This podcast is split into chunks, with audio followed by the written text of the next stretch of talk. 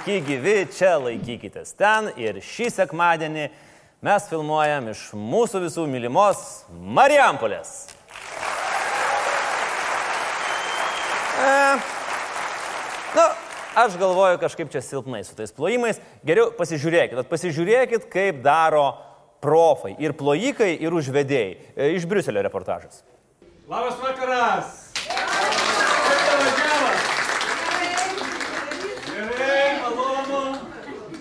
Malonu Jūs matyti šiandien pas mane. Labas, labas, labas, sako Viktoras ir po to prašo ploti, visi ploja. Tai Marijampolės publika, kaip jūs laikotės ten? Puikiai! Taip! O ko? O ko puikiai nesilaikyt? Ko jiems puikiai nesilaikyt, kai Marijampolė vyksta toks progresas? Visai neseniai Marijampolė Policija vaikėsi žiauriai greitai lėkiantį automobilį. Ir galiausiai pasivijo jį jau stovinti Kumelionių kaime ir keleivių vietose atrado tris gatavus veikėjus po dvi promilės, o vairuotojo vietoje nieko. Ir visi trys gražuoliai įrodinėjo policijai, jog automobilis lėkė niekieno nevairuojamas. Va, prašau. Kol didžiosios bendrovės - Tesla, Audi, Mercedes ir kitos dar tik suka galvas ir testuoja self-drive automobilius, Marė ir Kumelionių kaime jie jau gatvėse puikiai važiuoja. Puikiai. O šiaip Lietuvoje mes turime ne tik self-drive automobilių, bet ir self-ruled valdžią. Kas yra dar kiečiau, nes jin gali pati save valdyti. Savaitė dar nesibaigė, bet aš nežinau, kas gali pranokti farsą, kuris antradienį vyko Seime, mėginant išspirti pranskietį, kuris į kėdę Seimo pirmininko laikosi įsikibęs tvirčiau negu Kalsonas Jaugienė ar kūdikėlis Jėzus į Šventą Kristoforą. Nes įsivaizduojat, kaip yra baisu, kai tave toks bičias neša per upę. Kūdikėlis įsikimba ir tik tai murma Jesus Christ, Jesus Christ. Murma ir superglių klyjų gamintojai, kurie žiūri į pranskietį ir verkia tyliai galvodami, na kada mes išmoksim taip tvirtai laikančius klyjus gaminti. O žiūrėti Seimo transliacija buvo taip pat įdomu kaip sostų karus. Kuris ką išdurs, kas ką išdulkins. Nu, true, true story. Oskaras Koršunovas žiūrėjo šitą posėdį, verkė tyliai murmėdamas, kada aš sugebėsiu tokias dramas režisuoti. Bet kaip žinote, šitas išvarimas nepavyko, o režisuoti dramas kol kas geriau sekasi ne Ramūnui, o jo broliui. Kaip viskas vyko? Kaip labai blogoj melodramui. Nu, tokioj blogoj, kad palyginus netgi Orlausko filmas Pliusas atrodo Oskarinis. Ryte PM3 Seimo nariai pasirašo, kad reikia pranskėti verst von. Tada gudrusis Viktoras sako, okei, okay, bet šiandien Šiandien propatrija už demokratiją, dabar arba niekada, now or never, gražą tikrinti prie kasos, veteranams beilės, nu viską tą. Jo pavaduotojas ne, valstietis nekrošius sako, ne, ne, ne, ne, ne, ne, ketvirtadienį. Pranskėtis trypia kojim ir sako, dabar, dabar, dabar, nuimkit mane dabar, op, op, op, op, sušaukė valdybos posėdį, dauguma sako, okei, okay, dabar, dabar, va, papietaujam, atsikeliam į varom. Tada valdantieji puola atsiminėt parašus. Tada, kaip mūsės prie medaus sušoka opozicija ir sudeda parašus, nors dievagojosi, kad šitam cirke jie tikrai nedalyvaus. Ai, nu, Zobovo meškutė irgi sakė, kad šitam cirke tikrai nedalyvaus. Valstiečiai planuoja prašyti posėdžio pertraukos. Opozicija paprašo pirmą. Tada valstiečiai išeina iš salės, lieka 11 žmonių ir, hm, netikėta, bet nesensacija, 11 žmonių iš 101 nepakanka nuimti pranskietį, o dar vienas sugadina biuletenį. Nu kam dar jį gadintą biuletenį reikėjo? Nu bent jau panaudotum kokiams sušiktiems reikalams ar dar kam nors. Pranskėtis triumfuoja ir sako, kad Karbauskis laimėjo penktus rinkimus. Karbauskis triumfuoja ir sako, kad geriau negalėjo būti, nes posėdis bus neteisėtas. Nu, žiauriai geras argumentas. Įsivaizduokit, važiuoji su mašina, nu, vad kaip tie iš Kumerionių kaimo. Ir pisti sieną.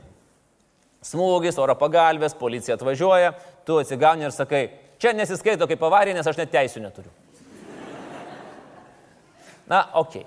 Karbauskis netriumfavo, jis buvo liūdnas. Ir sakė trečiadienį, kad po vakar dienos jam sunku apie tai kalbėti. Oh well. Pirmosios pagirios visada būna sunkiausios. Ir mes filmuojam trečiadienį, Ir jie vis dar drožiasi. Dabar jau etikos komisijoje. Po to gal kažką vėl balsuos. Nu, žodžiu, o mes žiūrim ir negalim patikėti, kaip šitie tautos tarnai sugeba palysti po grindjuostę. Visi. Ten juk tiek nėra vietos. Prezidentas Adamkus irgi negali patikėti. Jam sunkiai suvokiama, kad 11 asmenų atlieka 141 darbą. Come on, ekscelencija prezidentė. Nu, sakant, škės, jau trejus metus 101 žmogaus darbas jame atlieka vienas asmuo ir niekam kažkaip labai neužkliū. Tas asmo dar žinomas kaip visko nugalėtojas pareiškė, kad planuoja trauktis iš valstiečių ir žaliųjų frakcijos seniūno pareigų ir pradėti dirbti Seimo vadovybei. Kokioje pozicijoje, ar pirmininko, ar vicepirmininko, dar Karbauskis negalėjo atsakyti. Na, jokia naujiena, kai Karbauskis negali už kažką atsakyti. Tęsiant apie oligarchus. Kauno meras Matijo Šaitis turi naują patarėją. Sporto, sporto infrastruktūros vystimo ir sveikos gyvensenos klausimais jam patarinė sportinę karjerą šiemet baigusi Rūta Meilutytė. Na, sėkmės Rūtai naujoje veikloje, bet aš vis tiek negaliu nepastebėti, kad frazė kaip auksinė žuvelė krabui patarimus dalino skamba ne kaip reali naujiena, o kaip Krilovo pasakėčia.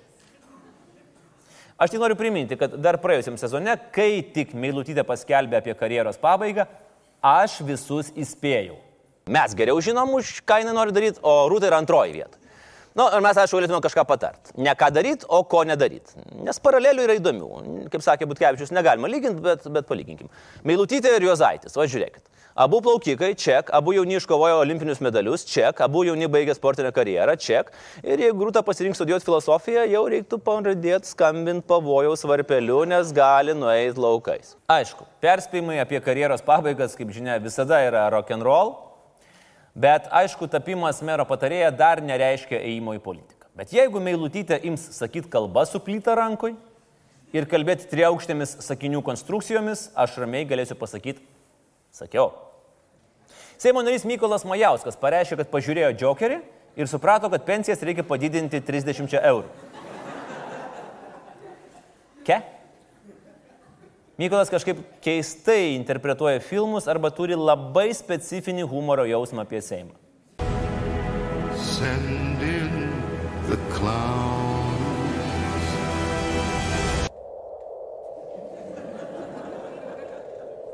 Šią situaciją geriausiai apibūdino Majausko frakcijos kolegė Ingrida Šimonytė, kuri kreipėsi į visus Seimo narius, siūlydama iki biudžeto prieimimo nežiūrėti džiaukerių. Prezidentas Gitanas Nausėda irgi neliko abejingas. Gimsta tokie dalykai kaip filme Džokeris. Ramūnas apie filmą Džokeris pasakė, kaip aš jį suprantu. Man, kai veidą taip išpaaišė GNG, aš irgi norėjau daryti tai, ką paskui darė Džokeris. Ir dabar noriu. Saulis Kvernelis nusivylė filmų Džokeris. Sakė, nerealistiškas. Netikiu, kad vienas ginkluotas bičias galėtų taip sklaidytis po visą miestą. Tik Gabrielius apie filmą Džokeris nieko nepasakė, nes jam austėja neleido žiūrėti. Nu, tipo per daug smurto. Aš irgi apie Džokerį nieko nesakiau, tik nuo šiol visus laikykitės ten pokalbių svečius ir žiūrovus mes tikrinsim metalo detektoriais. Praėjusią savaitę Vilniaus degtinė nutraukė nealkoholinės čepkelių netrauktinės reklamą, gamybą ir platinimą. Kadangi taip jiems nurodė narkotikų, tabako, alkoholio ir bet kokio dar sugalvosim per likusius metus kontrolės departamentas. Departamento teigimu, gaminys galės grįžti į rinką, jei bus pakeista etiketė, mat dabartinė praktiškai nesiskiria nuo alkoholinio gėrimo, visi rekvizitai yra tapatus ir tai yra vartotojų klaidinimas. Visiškai aš sutinku. Klaikus vartotojų klaidinimas. Aš pats per plauką vos nenukentėjau. Nu, čiut, čiut ir būčiau nusipirkęs nealkoholinę vietoj normalios. Atsakydami į tai, gamintojai išleido reklamą su nealkoholiniu šampūnu. Ne šampanu, nu tas tai yra brudas paskutinis, bet šampūnu. Ir čia jau prasideda visiškas vartotojų klaidinimas.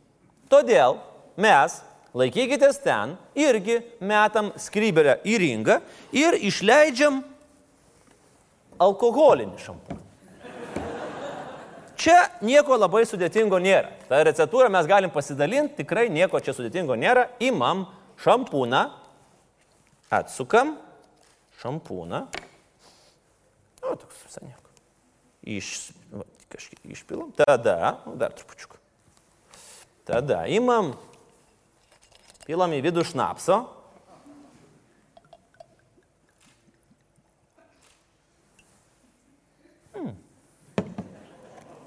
Užsukam.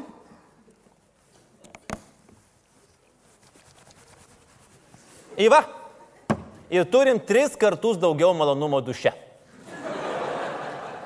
Ir nuo šiol, kai kas nors pasakys tau gal biškiri galvą išsiplaut, tu su malonumu eisi į plausis. Tas jausmas, tarsi ne ta koja išlipa iš lovos. Arba išlipa į tą koją, bet ne iš tos lovos. Dar tik rytas, o tu jau žinai, kad diena bus prasta. Arba diena jau prasta, nors dar tik rytas. Stop! Juk neprivalo tai būti. Pradėk dieną švaria galva ir geresnė nuotaika. Alkoholinis šampūnas. Kaip šampūnas, bet alkoholinis. Kaip alkoholis, bet šampūnas. Ar jis padeda nuo pleiskanų? Ne, bet jis alkoholinis. Ar jūsų plaukai žvilgės labiau? Nežinom, bet jis alkoholinis. Ar jis sustabdys plaukų slinkimą? Koks skirtumas svarbu, kad alkoholinis. Tegu galvos plovimas primena gražiausias jūsų gyvenimo akimirkas. Ne, ne šitas akimirkas.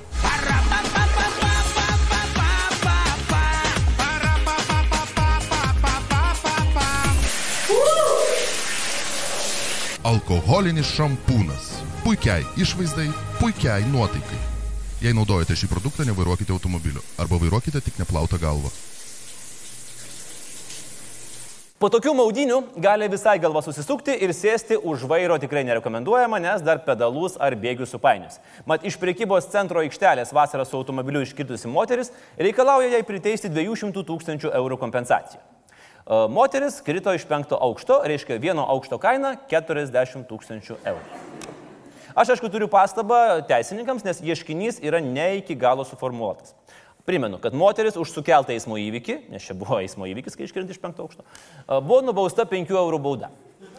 Tai reikėtų ieškinį įtraukti sumą ir reikalauti 200 tūkstančių 5 eurų ir dar kompensuoti tuos kelis eurus, kur buvo jau sumokėjus už parkavimą. Tai 200 tūkstančių ir 7 eurų. Pagaliau paskelbtas nuosprendis didžiausioje kontrabandos byloje. Nusikalstamo susivienimo vadas, buvęs policininkas Vilius Karalius, nuteistas 13 metų kalėjimų. Na, po to sakykit, kad 13 nėra nelaimingas skaičius. Nors aš turiu įtarimų, kad Vilius Karalius tiesiog yra auka valstybinio samokslo, skirto likviduoti visus žmonės, kurių vardai arba pavardės sutampa su Jėvos Simonatytės kūrinių pavadinimais. Pavyzdžiui, yra toks Simonatytės romanas Pikčiurnienė. Esate sutikę bent vieną moterį pavardę Pikčiurnienė. Na, visos likviduotos. Tai reikėjo įrodyti. Grįžtant prie bylos. Įdomus dalykas yra tas, kad joje buvo nuteistas ir Seimo frakcijos Lietuvos geroviai seniūno Vytauto Kamblevičiaus sunus Aivaras Kamblevičius.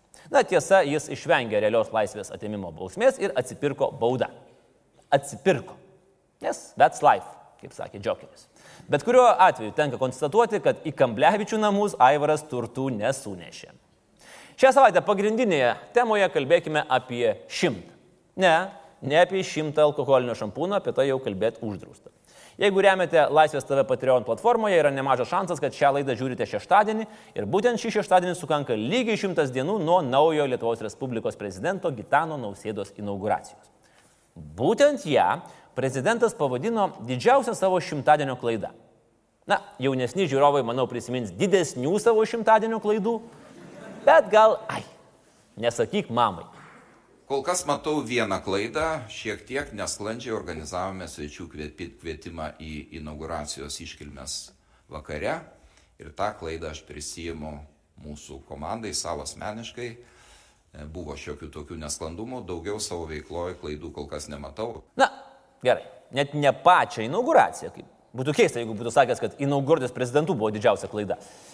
Bet ten tuos kvietimukus, kur, nu, Vaitulionis gavo, o Šimonytė negavo. Tai čia tokia pat klaida, kaip, nežinau, Abromui Lincolnui eiti į teatrą. Kaip ir ne klaida iš principo eiti į teatrą, bet tai, kas ten paskui įvyko teatre, buvo klaida ir ne dėl to, kad juokėsi ne ten, kur reikėjo, dėl to, kad nušovė.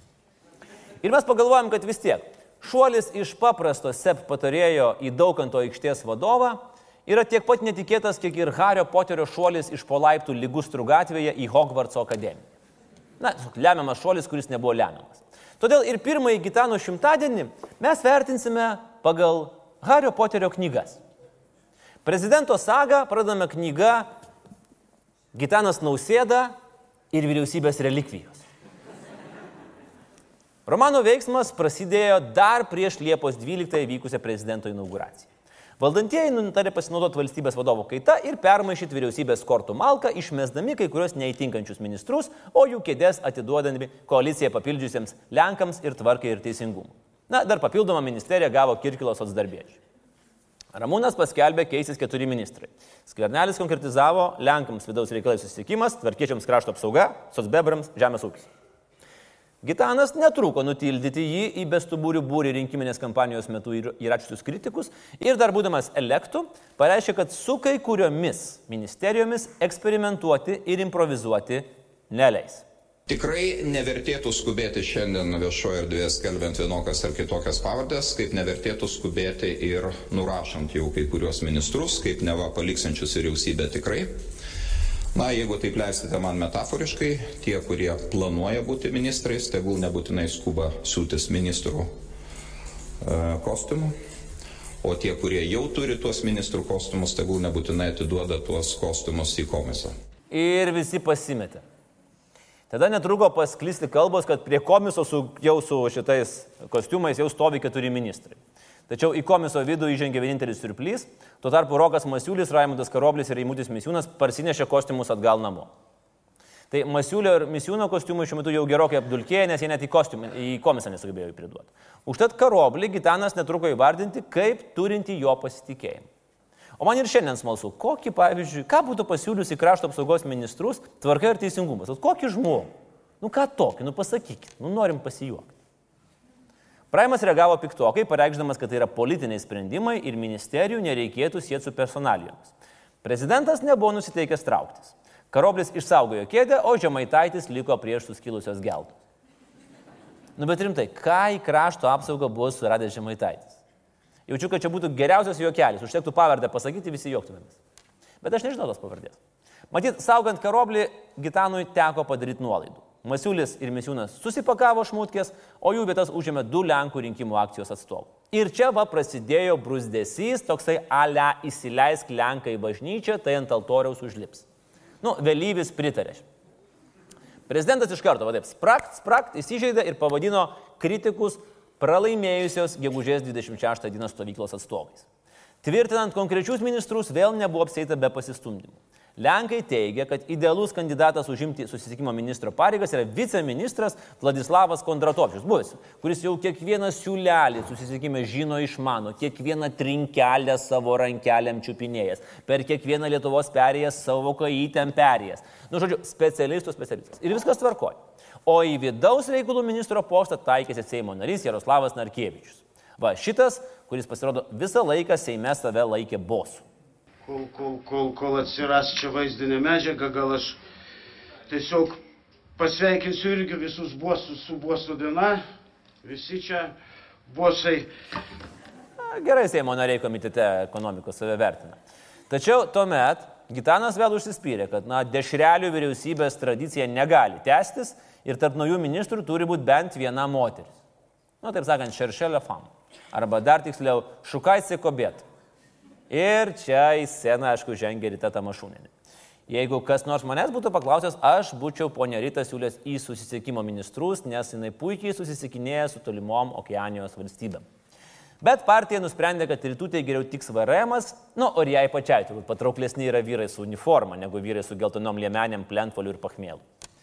Todėl prieš tai į vidaus reikalus besitaikiusi Jaroslavą Narkevičių pasiuntė vadovauti susisiekimo ministerijai. Nu, ko gero, mažiausiai diskusijų iššaukė Žemės ūkio ministerijos likimas. Gitanas nekarta buvo sakęs, kad jaunojo surplio darbai jam kelia abejonių, o socbebrai tai girdėdami šipsojosi, čiapsėjo ir girdėjo. Tepu, tepu, tepu, tepu, kas tai? Tai ateina usuotų bebrų valanda. Ir visi draugiškai pamiršo, kad nevalia usuoto bebrų į sodą įsileisti, geruoju nesibaigs. Naujų žemės ūkio ministrų tapo Andrius Palionis. Iš karto važiuojam, iš karto, taip, važiuojam, iš karto bandė į viceministrus įprūdėt guminės lėlės mėgstantį Seimo nario Čimboro sunelį. Nu gerai, kilo triukšmas, mintis nepraėjo. Bet kol mes visi rėkiam prie pagrindinio įėjimo, per galinį į ministeriją sulindo partijos bičiulio Vaigino dukra Lina, kuri bus kanclerė, bet iš karto išeis motinysės atostogų, ir kito bičiulio Pupšio dukra, kuri patarinės ministrui. Prezidentas, šaunuolis, nenutilėjo.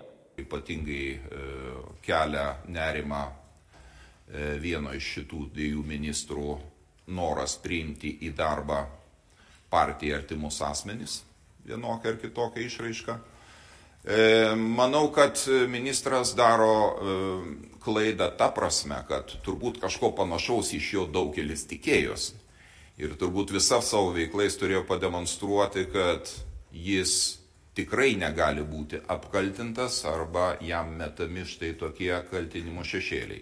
Bet kol kas susidaro įspūdis, kad jis kaip tik patvirtina e, tas, tuos galimus nuogastavimus. Bet vis tiek, nu, kokie jie yra šaunuoliai. Nu, maždaug, visi tikėjomės, kad ministras tik atėjęs į darbą priiminės partinius bičiulius, bus nepotizmas. Ir va, nenuvylę. Užsimerkus ir įsiklausius tik į tekstą, vieną akimirką net būtų galima pagalvoti, kad grįžo geležinė dalė. Palioniui ir visai nomenklatūriniai socbebrų armijai buvo pasiūstas aiškus signalas mūsų sodė obelų negrauši. Ką į tai socbebrai? Kirkilas pareiškė, kad nieko blogo savų įdarbinime nemato. Juk tai, kad ar partiečiai, ar partiečių vaikai nereiškia, kad negali būti geri specialistai. Beje, o žinote, ką socdarbiečių patys ką patys tos darbiečių vaikai atsakė į prezidento žodžius. You have stolen my dreams and my childhood with your empty words. Nu, ko jau ko, o cinizmo iš Kirkilo neatimsi. Senas Lapinas puikiai supranta, kad dar sik keisti ministro be itin rimtų priežasčių nenori niekas. O iki naujų rinkimų vos metai ir per juos reikia sočiai atspinėti bebriukus, nes gali būti, kad po to laukia ilga sausra užsisukus kraneliams. Kaip į tai reagos prezidentas, klausimas galbūt ateinančioms šimtui dienų. Laikykitės ten knygų klubo kritikai turėjo abejonių dėl pirmosios knygos stiprumo, bet reikia pripažinti, kad ji drąsiai galėjo vadintis ir Gitanas Nausėda, ir atrastas stuburas. Važiuojam toliau. Antroji serijos knyga - Gitanas Nausėda ir nauji karalienės drabužiai. Ką? Nu ir kas, kad ne tą pasaką? Nu ir kas? Ką norim tą darom? Aš pas apie aprangą gal netiek daug išmanau, bet mes kolektyvę turime scenaristę, moterį, dizainerę, Lenkę. Keturi viename, ne viena tokia yra. Ir dar pavydelnikė. Tai penki. Tai jinai šnipždama viską paaiškino. Tai čia jos tekstas. Na nu, ir aš dar aišku seku Jozuko Instagramą. Tai happy. Ir orevurar. Vyrams su oficialia apranga viskas yra paprasta ir aišku. Turi vieną šliubinį kostiumą, vieną darbinį, vieną, kurį komisą, jeigu ministras eini, ir vieną, su kuriuo žmonės išeit negėda. Svarbu, kas yra. Dydis tinkamas, kaklaraištis normaliai užrištas. Ne taip kaip pas mane. Ir saga pačio atsekta. Kai kuriems politikams yra kaip užkeikta, kaip užkeikta, užsekta laikosi, tu nieko negali padaryti. Beje, ar žinot, kaip vadinasi apatinė švarko saga, kuri atkakliai laikosi užsekta? Pranskėtis. Moteriams jau sunkiau. Išskyrus Dalę Grybauskaitę ir Koko Šanel. Šanel turėjo mažą juodą suknelę, Dalė turėjo mažą mėlyną kostiumėlį. Ir dviem kadencijom pilnai pakako. Mūsų naujai išrinkta pirmoji ponė nėra visiškai žalia. Baigė siūnių technologiją Kauno Politechė ir dirbo Aičianėme. Šiek tiek. Tai kaip ir turėtų suprasti, kas yra trendė, o kas ne. Bet žinai, kai nesipratęs prie tokio dėmesio ir šviesų, Gal praleistos paskaitos, gal netlikti namų darbai pradeda skverbtis lauk. Nors skaičiuojam tik šimtą dienų, ponė Nausėdienė jau ne vieną kartą spėjo užlėkti su savo apranga. Kažkaip istoriškai Dianoms su paparaciais nesusiklosto santykiai. Įsivaizduojat, inauguracijos dieną privažiavo daugybė kilmingų ir garbingų svečių ir Saugirdas Vaituronis. Valstybė nusipelnė dėl artimų santykių su prezidentūros patarėjais. Ir žengė naujoji karalienė į Daukanto aikštę šalia vyro ir visi žmonės gatvėse ir iš namų langų stebėjosi, Dieve, kokie gražūs karalienės drabužiai, kaip jie jai tinka, ah, kokia puikia spalva. Nu, nes nuo mėlynos jau biški bloga buvo. Ir tik staiga visų agės įsismėgė į telefonų ekranus. Žiūrėkit, karalienės apatiniai matosi. Staiga sušuko socialiniuose tinkluose Jozukas. Viešpatė Dieve, klausykit, tikrai matosi pagavo kritikavimo vaibelį liaudis ir prasidėjo. Raudonas rinkiminis kostiumas per ryškus, per iššaukiantis, vienos kėdės istorija renginėje striukė per daug laisvo stiliaus, šukuosina močiučiška, o į Kauno dramos teatrą atėjo iš vis su naktiniais. Nu, come on. Aš tikiu, kad spektaklis buvo toks nuobodus, kad norėjusi užmigti, bet gal ne taip akivaizdžiai. Tik susitikime su Trumpu jau poros kritikai buvo nuolankesni. Arba tiesiog Trumpas yra kaip ta baisi draugė. Šalia jo visi atrodo daug geriau. Atkreipkite dėmesį, ponios Dianos suknelės juosta priderinta prie Donaldo kaklaraiščio, pati suknelė prie jo kostiumo. Tuo tarpu Gitanas puikiai dera su Melanija, tai hm, jeigu Tadas Vidmantas filmuotų filmo Lietuviški svingeriai, tęsinį Lietuviški svingeriai Amerikoje, tai čia yra filmo posteris. A, pirmoji ponė savo šventinių suknelių kūrimą patikėjo Dailės akademijos profesoriams. Ok, nebuvo jokių reikalavimų, tik buvo pageidavimas. Ji norėjo drabužio, kuris perteiktų jos norą skleisti šviesą visos kadencijos metu. Tai galėjo tiesiog pasipuošti kalėdiniam girliandom. Nu kas taip formuoja užduotį menininkams? Kai taip formuoja užduotį menininkams, atsiranda vamzdis neries krantiniai. Vos tik tai komentatoriai užvažiavo, pasijungė gynybos frontas. Buvo mobilizuoti psichologai, astrologai, spalvų aiškintojai, Biblija, Vanga, Majai. Paaiškinta, kaip rūbų spalva siunčia mums signalą apie būsimą jos veiklą. Apranga turėjo atvaizduoti tikėjimo, santarvės ir ramybės viltį, bet Hebra perspaudžiat. Jeigu norit pateikti kokią mintį, darykit tai paprasčiau. Nes spindinčios šviesos, tyrumo ir ramybės dauguma žmonių nenuskaito, o šviečiančius apatinius tikrai pastebi. Pusė šalies yra profesionalūs krepšinio treneriai su kapitonu Šarūnu, o dabar mes jau žinome, kad antroji pusė yra diplomuoti stilistai su kapitonu Juozu. Pirmoji ponia kas mėnesį gaus po maždaug pusantro tūkstančio eurų reprezentacinėms išlaidoms. Tai ta proga mūsų asmeninis prašymas. Hashtag duokit Juozui darbo. Žinot, kaip visada sako, sutinka pagal drabužio, priema pagal protą. Tai šitą, kaip sutikt, aš tikrai galiu padėti padaryti tikrai daug gražiau, įdomiau. Jeigu žmogus kreipsis, aš su didžiausiu malonumu galiu šitą truputėlį pa, pašiuolaikinti, pa, pa, pajauninti. Aišku, tikrai bus geriau. Žinoma, būna, kad ir Juozas prasileidžia, kaip pavyzdžiui, su graužinienės stilium, bet šiek tiek rečiau. Toliau, trečioji knyga - Gitanas Nausėda arba ten ir atgal. Taip, žinom irgi, ne Haris Poteris, čia Narnija. Prezidentinių kelionių per pusmetį buvo nemažai. Jau buvo septyni vizitai. Šiuo metu, kai filmuojam, vyksta aštuntas. Gitanas išvažiavo į Briuselį tartis, ką daryti su Borisu Johnsonu. Apskritai, ES vadovų taryba yra dabar kaip giminės susitikimas, sprendžiant vieną problemą. Dėdė Borisas užgėrė. Nu ką darom? Gal į ligoninę, gal pas būrėją, gal paliekam. Nu suaugasgi žmogus. Bet giminės vardui kenkia. Gal atimti raktus. Bet išleisti gatvę, bet jeigu airiai dėdė papjaus irgi gaila. Nu gal kaip nors išsisuks, ne pirmas kartas. O pirmas ir svarbiausias nausėdos vizitas buvo į Lenkiją. Iš pradžių Lenkai kreivai žiūrėjo į naują prezidentą, bet paskui pakeitė nuomonę. Gal jis visai ir nieko bičias. Nu tikrai už tą mėlyną, kur buvo jas lepšai. Bet dėl W vis tiek yra problema. Nu mums čia yra kažkoks neįveikiamas suvalkų koridorius, ta W raidė. Dviguba e, V yra tarsi mūsų tautas skirinti spigliuotą vėlą. Abu prezidentai, kas labai faina, yra pakvietę viens kitą pabaliavot. Vienas į antrojo pasaulinio karo pradžios dieną, kitas į sukilimų prieš carinę valdžią minėjimus. Nu, tokios liūdnesnės progos. Nu, bet vis tiek progos. Iš ko pažinsi tikrą draugą? Jis su malonumu ateina į tavo gedulingus pietus. Ai, ne, ten priešą pažinsi, ne draugą. Nu, nesvarbu. Žiūrėk, noro yra progres. Lenkams patiko. Vėl patiko ir spaudai patiko. Nu, žiūrėk, nausėda, pakvietė į balių. Nu, normalus. Lenkai balius mėgsta didelius. Kuo daugiau žmonių, aštuoni karšti patiekalai, degtinė žalonkova, hei, hei, sokol ir būtinai, būtinai stalo komendantą. Padarysim pas juos, padarysim ir pas mus ant antros kojos.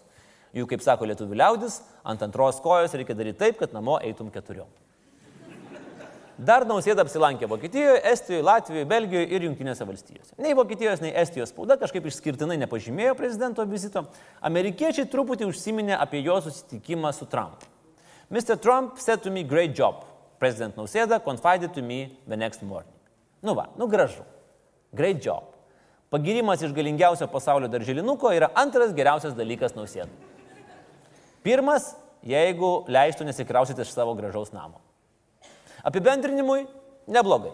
Prezidentas pajuda po kitas šalis, su daug ko susitinka, nemažai ką pasikviečia čia į svečius prezidentūrai, kadangi prezidento darbas ir yra reprezentuoti Lietuvą užsienyje, tai mes vertinam gerai. Ekranizavus knygą, IMDB koks reitingas būtų 8,5. Oskaro gal nevertas, bet rekomenduotume Makaliaus kelionių apdovanojimus. Ketvirta knyga. Gitanas Nausėda ir prezidento brolyje. Ko ne pagrindinis dalykas, kuo Gitanas rėmėsi rinkimų kampanijoje, aš nepartinis. Aš aukščiau partijų. Ir tai aišku labai patiko rinkėjams, nes pas mus partijos yra žemiau plintuso, gonorėjos ir visuomeninio transporto. Bet aukščiau Seimo. Nes žemiau Seimo yra tik Seimo rusiai. Po rinkimų vėl visi pradėjo, kaip čia tai, prezidentas ir be jį remiančios partijos. Nu čia kaip su tuo vegetaru, kur ateina giminės balių ir, a tai tu visai, visai mėsos nevalgai? Ta prasme, net dešros? Nu, bet tai kebabą tai paragauji, nu, prisipažink. Taip ir apie prezidentą Nausėdą. Iškart pradėjo plyst gandai, kad atseit jis jau kūrė savo partiją. Iš pradžių į tos partijos lyderius ėmė siūlyti jau buvusi ministrą Roką Masiulį, arba dar buvo gandas, kad krikdemišką partiją lipdo toks filosofas Mindaugas Kubilius, kuris buvo vienu iš Gitano rinkimų kampanijos patarėjų. Šiaip jisai buvo pasiskelbęs save ko ne pagrindiniu patarėju, bet kiti patarėjai sakė, kad ne čia nesąmonė, jis tik kartais ten kokį dvasingą sakinį sureksdavo, o daugiau tai kalbėdavosi su dievais. Plus pavardėjo tokia, kad prie partijų ir politikos jau tikrai negalima prileisti, nes jau vieną tokį turėjom kubilių. Šimtadienio spaudos konferencijoje paklaustas, kodėl Mindaugas Kubilius neseniai lankėsi prezidentūroje, Gitanas rado su kuo palyginti buvusi patarėją, o gal net ir visą kūriamą partiją. Vakar lankėsi ir Širvintų ketvirtosios klasės mokiniai ir, ir vat, tokių žmonių pas mus gerbtinų lankosi nemažai. Ir aš dabar noriu paklausti, ar dėl to mes Andrių Kubilių išsiuntėm į Briuselį, kad dabar vėl skūstumėmės, kad Lietuvoje dėl visko kaltas Kubilius? Ne, ne ir dar kartą ne. Todėl įpusėję knygą prezidento brolyje mes sakom, kad Gitanas jokios partijos nekuri. Kol kas. Bet jeigu prezidentas yra nustaikęs į dvi kadencijas, tai galime būti tikri, kad knygos gale atsiras intriga, kas artėjant galbūt kitiems rinkimams laikys prezidento lanką, o kas jo kirvi. Penktas serijos tomas yra Gitanas Nausėda ir žmogiškasis paprastumas. Čia turbūt labiausiai per agitaciją ir po jos akcentuota prezidento savybė. Jūs juk toks paprastas, fainas žmogeliukas iš stiklinio namuko. Bet, kaip sakė Paulo Koelio, paprasti dalykai yra nepaprasti. I white, the bright blessed day, the dark sacred night, and I think to myself, what a wonderful world. Nes žmonės taip nedaro. Nei paprasti, nei nepaprasti. Taip negalima, patikėkit, aš žinau, aš ten buvau. Tačiau prezidentas parodė ir savo paprastus pomėgius. Eina į futbolą. Ir ne dėl to, kad Pieras liepia, o dėl to, kad iš tikrųjų mėgsta futbolą. Ir sėdasi ne vypę, o tarp paprastų ir galių. Nu labai mielas niuansas, tikrai. Bet vis tiek sugeba leptelt nei šį, nei tą. Prezidentas pasakė, kad per Lietuvos Portugalijos rungtynės pajuto, jog nie lašelio nepalaiko Portugalijos. Nu jausmas toks jam atėjo. Per rungtynės. Nes prieš rungtynės dar nebuvo apsisprendęs, ką reiktų palaikyti. Nu, toks PEMAN 7, kaip kamulio kontrolė rungtynės. Ir įsivaizduoju, tas jausmas, kai tu nori plot po Ronaldo įvarčio, bet staiga prisimeni, kad įmušė Lietuvos vartus. Ir vis tiek nori plot, bet prisimeni, kad dar ir tu pats esi lietuvis. Ir vis tiek nori plot, bet dar prisimeni, kad esi ir Lietuvos prezidentas. Nu tai ką darai? Nu ploji, tada ploji, kam ploji? Nu ploji, kai mūsų rinktinė keitimą padaro. Arba tam bičiui, kuris keičia rezultatą ant švieslentės, jeigu gerai pakeičia ploji.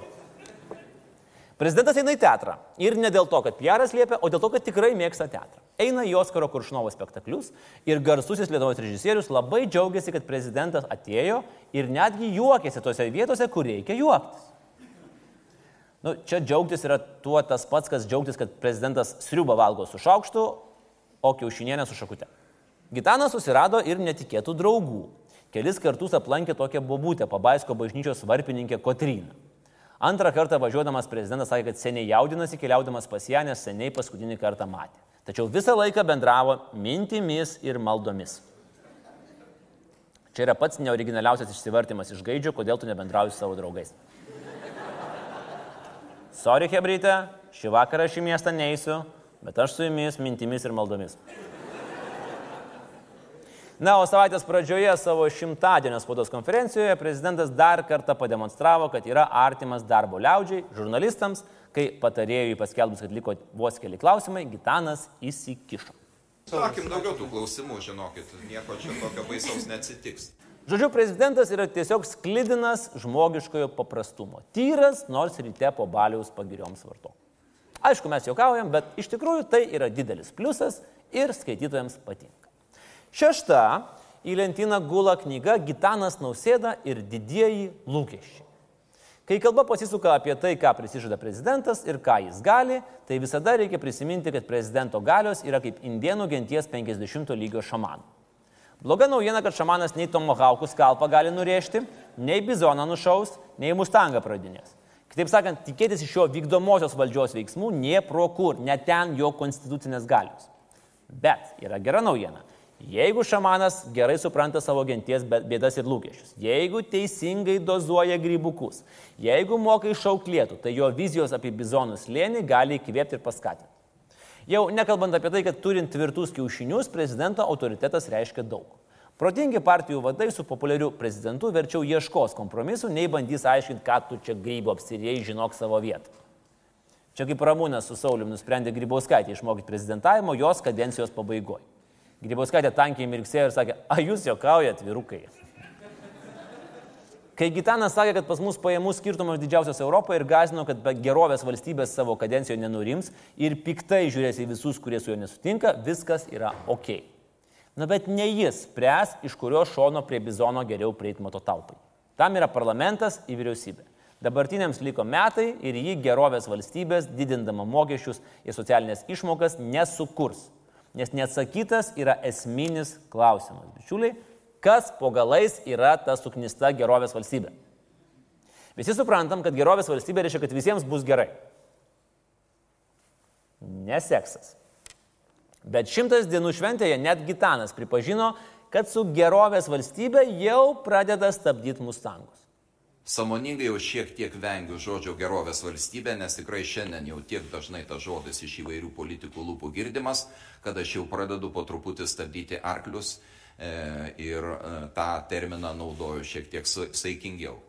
Nes nėra taip paprasta. Gerovės valstybė tai ne tik oriai, o ne orų gyvenantis pensininkai, ar didesnės socialinės išmokos daugiavaikiams šeimoms.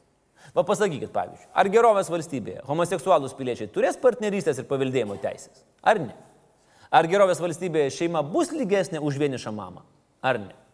O paklauskit šito. Sotsdėmų, konservatorių, valstiečių, gitanų. Ir gausit tiek įvairovės apie gerovę, kad mažai nepasirodys. Tai čia tos partijos, su kuriamis Gitanas pagal nepatikimas prognozes turės reikalų dėl gerovės dar po metų. Pirmas žingsnis, jei ne gerovės, tai bent jau žadėto didesnio socialinio teisingumo kryptim Gitanas žengia. Visi turime būti lygus prieš mokesčius, sako Gitanas vyriausybė, ir maršo ritmu registravo Seime tiek pataisų, kad iš Gedimino 11 rūmų pasigirdo toks stilus. Nor, nor, nor, nor, nor, ko čia lendi gitarai, nor, nor, nor, nor, nor, nor, nor. Bet iš esmės aišku, konstatuota, kad prezidento ir vyriausybės pozicijos daugelį vietų sutampa. Išvertus į žmonių kalbą, tai reikštų, nuklausyk gitanai, nu nenorim piktis, nu kaip ir sutinkam, kad reikia, bet gal čia galima kažkaip truputį kitaip. Nes karvės didesnio akcizo traktorių saliarkai nesupras. Ir iš karto 20 metų biudžete pasipylė iki tol tik drėgnuose socdemų sapnuose regėti automobilių taršos, turto, lygesnių pajamų mokesčių projektai. Dabar visi ekspertai turės ką veikti ir skaičiuoti, kam iš vienos kišenės bus išimta ir įdėta į kitą pagal sąžinę ir teisingumą, o kam tiesiog išimta, nes reikia pasidalinti su tais, kas neturi. Kas iš to gausis, savo kailių pajausim kitais metais. Bet aišku, kad čia prezidentas uždalyvavo. Prezidento planuose yra daug užuominų apie aktyvesnį visuomenės įtraukimą į sprendimų prieimimą. Ir kalbama ne lozungais, bet iš tikrųjų siūlomas konkrečios idėjos. Už iniciatyvą galima paploti. Pilietinės visuomenės stiprinimui jau nereikia vykdančiosios galios, reikia jungiančios valios ir yra lūkesčiai, kad ta valia yra prezidentas. Per rinkimus Gitanas pakilo nuo švediško įkėję krėslo ir apvažiavo tą Lietuvą, kurios nesimato per banko langus ir dabar nori būti arčiau jos. Seniai reikėjo. Net ir žmona jam seniai kartojo, gitanai, gitanai, išeik dažniau į Lietuvą. Bent jau grįkį pavėdžiosi. Prezidentūra sako, kad nuo šiol karts nuo karto persikels dirbti į kitus miestus ir rajonus. Kaip tai atrodys, dar neaišku. Gal kaip futrakas. Prezidentūrėlė ant ratų. Nu, turbūt ne. O man kažkaip iš karto tokia hmm, mintis, nu, vat, kaip Putino tiesioginė linija, teta tet su paprastais Rusijos žmonėmis. Kai klausė prezidentas, kas jums yra blogai. Nu ir žmonės sako.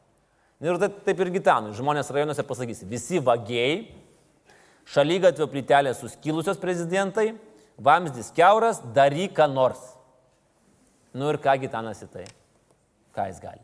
Jis gali pasakyti, kad tai negerovė, o jis yra už gerovę. Negerai, kai nėra gerai, kada turi būti gerai.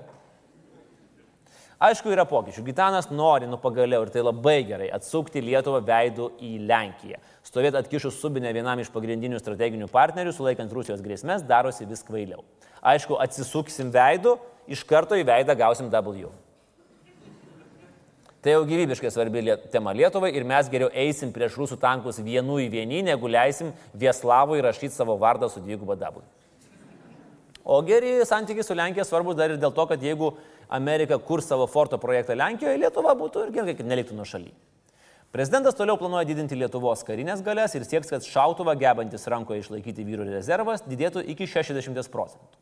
Na, čia kaip ir susijęs su neįkainojamai dosne vyriausiojo kariuomenės vado Gitano viltimi, kad Lietuva Rusijos agresijos atveju tikrai atsilaikys ne tris dienas, bet kelias savaitės. Pritarim. Ne keliom savaitėms, aišku, o tam, kad kuo daugiau žmonių būtų pasiruošę duoti atkirti tiek, kiek reikės. Gitanas nori plėtoti ekonominius santykius su Kinija. Na, čia tas pats, kas sakyt, kad krepšinėje reikia stengtis pelnyti taškus. Nu reikia.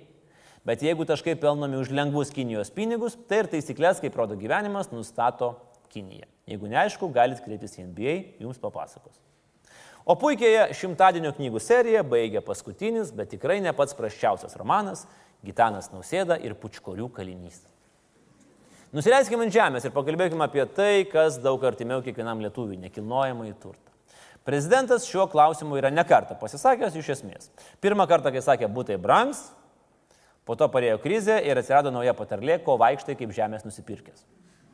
Antrą kartą, kai jau prasidėjo rinkimų kampanija ir visi ėmė domėtis, kaip Gitanas pasistatė savo namą Pučkorių atodangoje. Ten košerų viskas buvo nacionaliniam parke statyti ar ne visai. Bet tos temos niekas dorai ir nepavystė, nes viską nunešė Valentinas Mazuronis, panorėjęs už dolerį nusipirkti Sauliaus skvernelio namą. Gerbiamas premjerė, už tą jūsų deklaruotą kainą rytoj perku jūsų namą, parduokit. Sutarėm. Dabar Gitano namas vėl pasistojo visų aktualumu. Praėjo šimtas dienų, o prezidentas dar nepersikėlė į valdišką rezidenciją Turniškėse, kurią jau šimtas dienų kaip atlaisvino Dalia Grybauskaitė. Priminsiu, kad rezidencija prezidentui valstybė duoda ne tik tam atveju, jeigu prezidentu būtų išrinktas bomžas, kuris neturi kur gyventi. Ne, jį dar ir tam, kad ten patogiau ir paprasčiau užtikrinti pirmojo valstybės asmens apsaugą. Ten infrastruktūra atitinkama ir pušinas, kuriame piktą užsimanęs sniperis galą gaus, kol prisitaikys, na nu, ir kiti reikalai. Bet nausėdų šeima ten pervažiuos negrei. Nes matot, rezidencijai reikalingas remontas. Pone Diena pažiūrėjo, kokio pločio drabužinė spinta ir liko nepatenkinta. Žinot, kokio pločio? Va tokio. Nes nu kiek ten reikia vietos dviems mėlyniems kostiumėliams. Prezidentas savo, kad paskutinį kartą remontas darytas prieš 25 metus, mūsų kolegos iš 15 minučių įgaudo meluojant, nes paskutinis remontas buvo prieš 8 metus. Nu, bet vis tiek, aišku, nepatogu prie žmonės. Nu, va, žiūrėkit, atvažiuos Duda, apsižiūrės, kad spalvos nesuderintos, sakys, klaupkis lietuvių halopę prieš Lenkų poną. O prezidentas mūsų pas mus ir estetas, ir jautrus. Ir todėl gyvena tarsi puškorių kalinys. Ir gyvens ilgai. Nes kol konkursą remontui paskelbs, nu paskui žinot, kas būna su tais remontais. Na, kam kada nors šioje visatoje būtas buvo suremontuotas laiku ir pagal samatą? Pakelkite rankas. Taip ir galvoju. O kas bus su puškorių kalėjimu? Nu, atsiprašau, su tuo gaubtu, kaip stikliniu, kaip prezidentas vis dėlto išsikraustas. Nu, negi stovės dykas. Aš galvoju, kad reiktų varyti tokią trumpalaikę prezidentinę nuomą per Airbnb. Nu, pagalvokit, kiek žmonių norės pagyventi ten, kur prezidento užpakalis ant fotelio sėdėjo, kur pirmasis šalies šuo grįkis ant sofos gulėjo, kur pagaliau valstybės apsaugos pareigūnai lankė lauko tualetą. Beje, dėl to tualeto ir puškorių kalinio vado, vadovybės apsaugos departamento vyriams tikrai ne faina. Stiklinis namas yra košmaras saugot. Viduje nėra kur prisiglausti, jie yra priversti nakvoti mašinuose, o kieme turi lauko tualetą. Nu, dabar, kai buvo vasara, saugot prezidentą kieme nėra blogai. Nu, krenta lapai auksiniai ir leidžiasi tyliai, šiandien mes susitikome kartą paskutinį, viskas aišku. Bet kai jau medžiai bus visai be lapų, kai bus šalčiau, nu tada būdėt kieme pasidarys mažiau įdomu. Nieko, pastatėm lauko tuliką, pastatysim laukia ir pučiantį šildytuvą. O dabar laidoje rubrika Pletkai. Mūsų pasiekė plėtkas, kad policijos eskorto, kuris lydi prezidentinį kortežą vyrai bamba, kad juos nuolat siuntinėja maisto parvežti. Kaip Volta. Pats Gitanas labiausiai mėgsta pizzą, o jo dukros, kaip lanko tėtį ir mamą, kebabus. Ir tik iš jami kebabinės prie Timo turgaus. Na, o toks plėtkas. Nu tai ką mes darome? Mes skambinam vadovybės apsaugos departamentui ir klausim, ar tikrai jūsų vyrai juodais kostiumais prezidento prašymu prilėkia paimti kebabų? Norėčiau sužinoti, ar prezidento apsaugos maršrutai yra viešinami. Jeigu tik dienotvarkė yra, šiaip tai mes neviešinam maršrutų. Neviešina. Tai vadinasi važiuoja greičiausiai kebabų. Ir štai yra didžiausia prezidentinio šimtadienio intriga. Koks padažas keliauja į prezidento dukrų kebabus? Česnakinis, pikantiškas, o gal, uhu, miksas. Ir su kuo pica valgo ekscelencija? Neduok dievę su ananasais ir kumpi. Nu, aš mintimis ir maldomis, kad ne. Nes tada studija vizitui pas popiežių Vatikaną italai areštuos ant sienos. Tai koks buvo tas prezidento šimtadienis? Koks tas filmas? Gitano karai, nauja viltis. O ką apie save sako pati prezidento komanda? Sometimes may be good, sometimes may be shit. O ką nori palinkėti prezidentui kiti šalies politikai?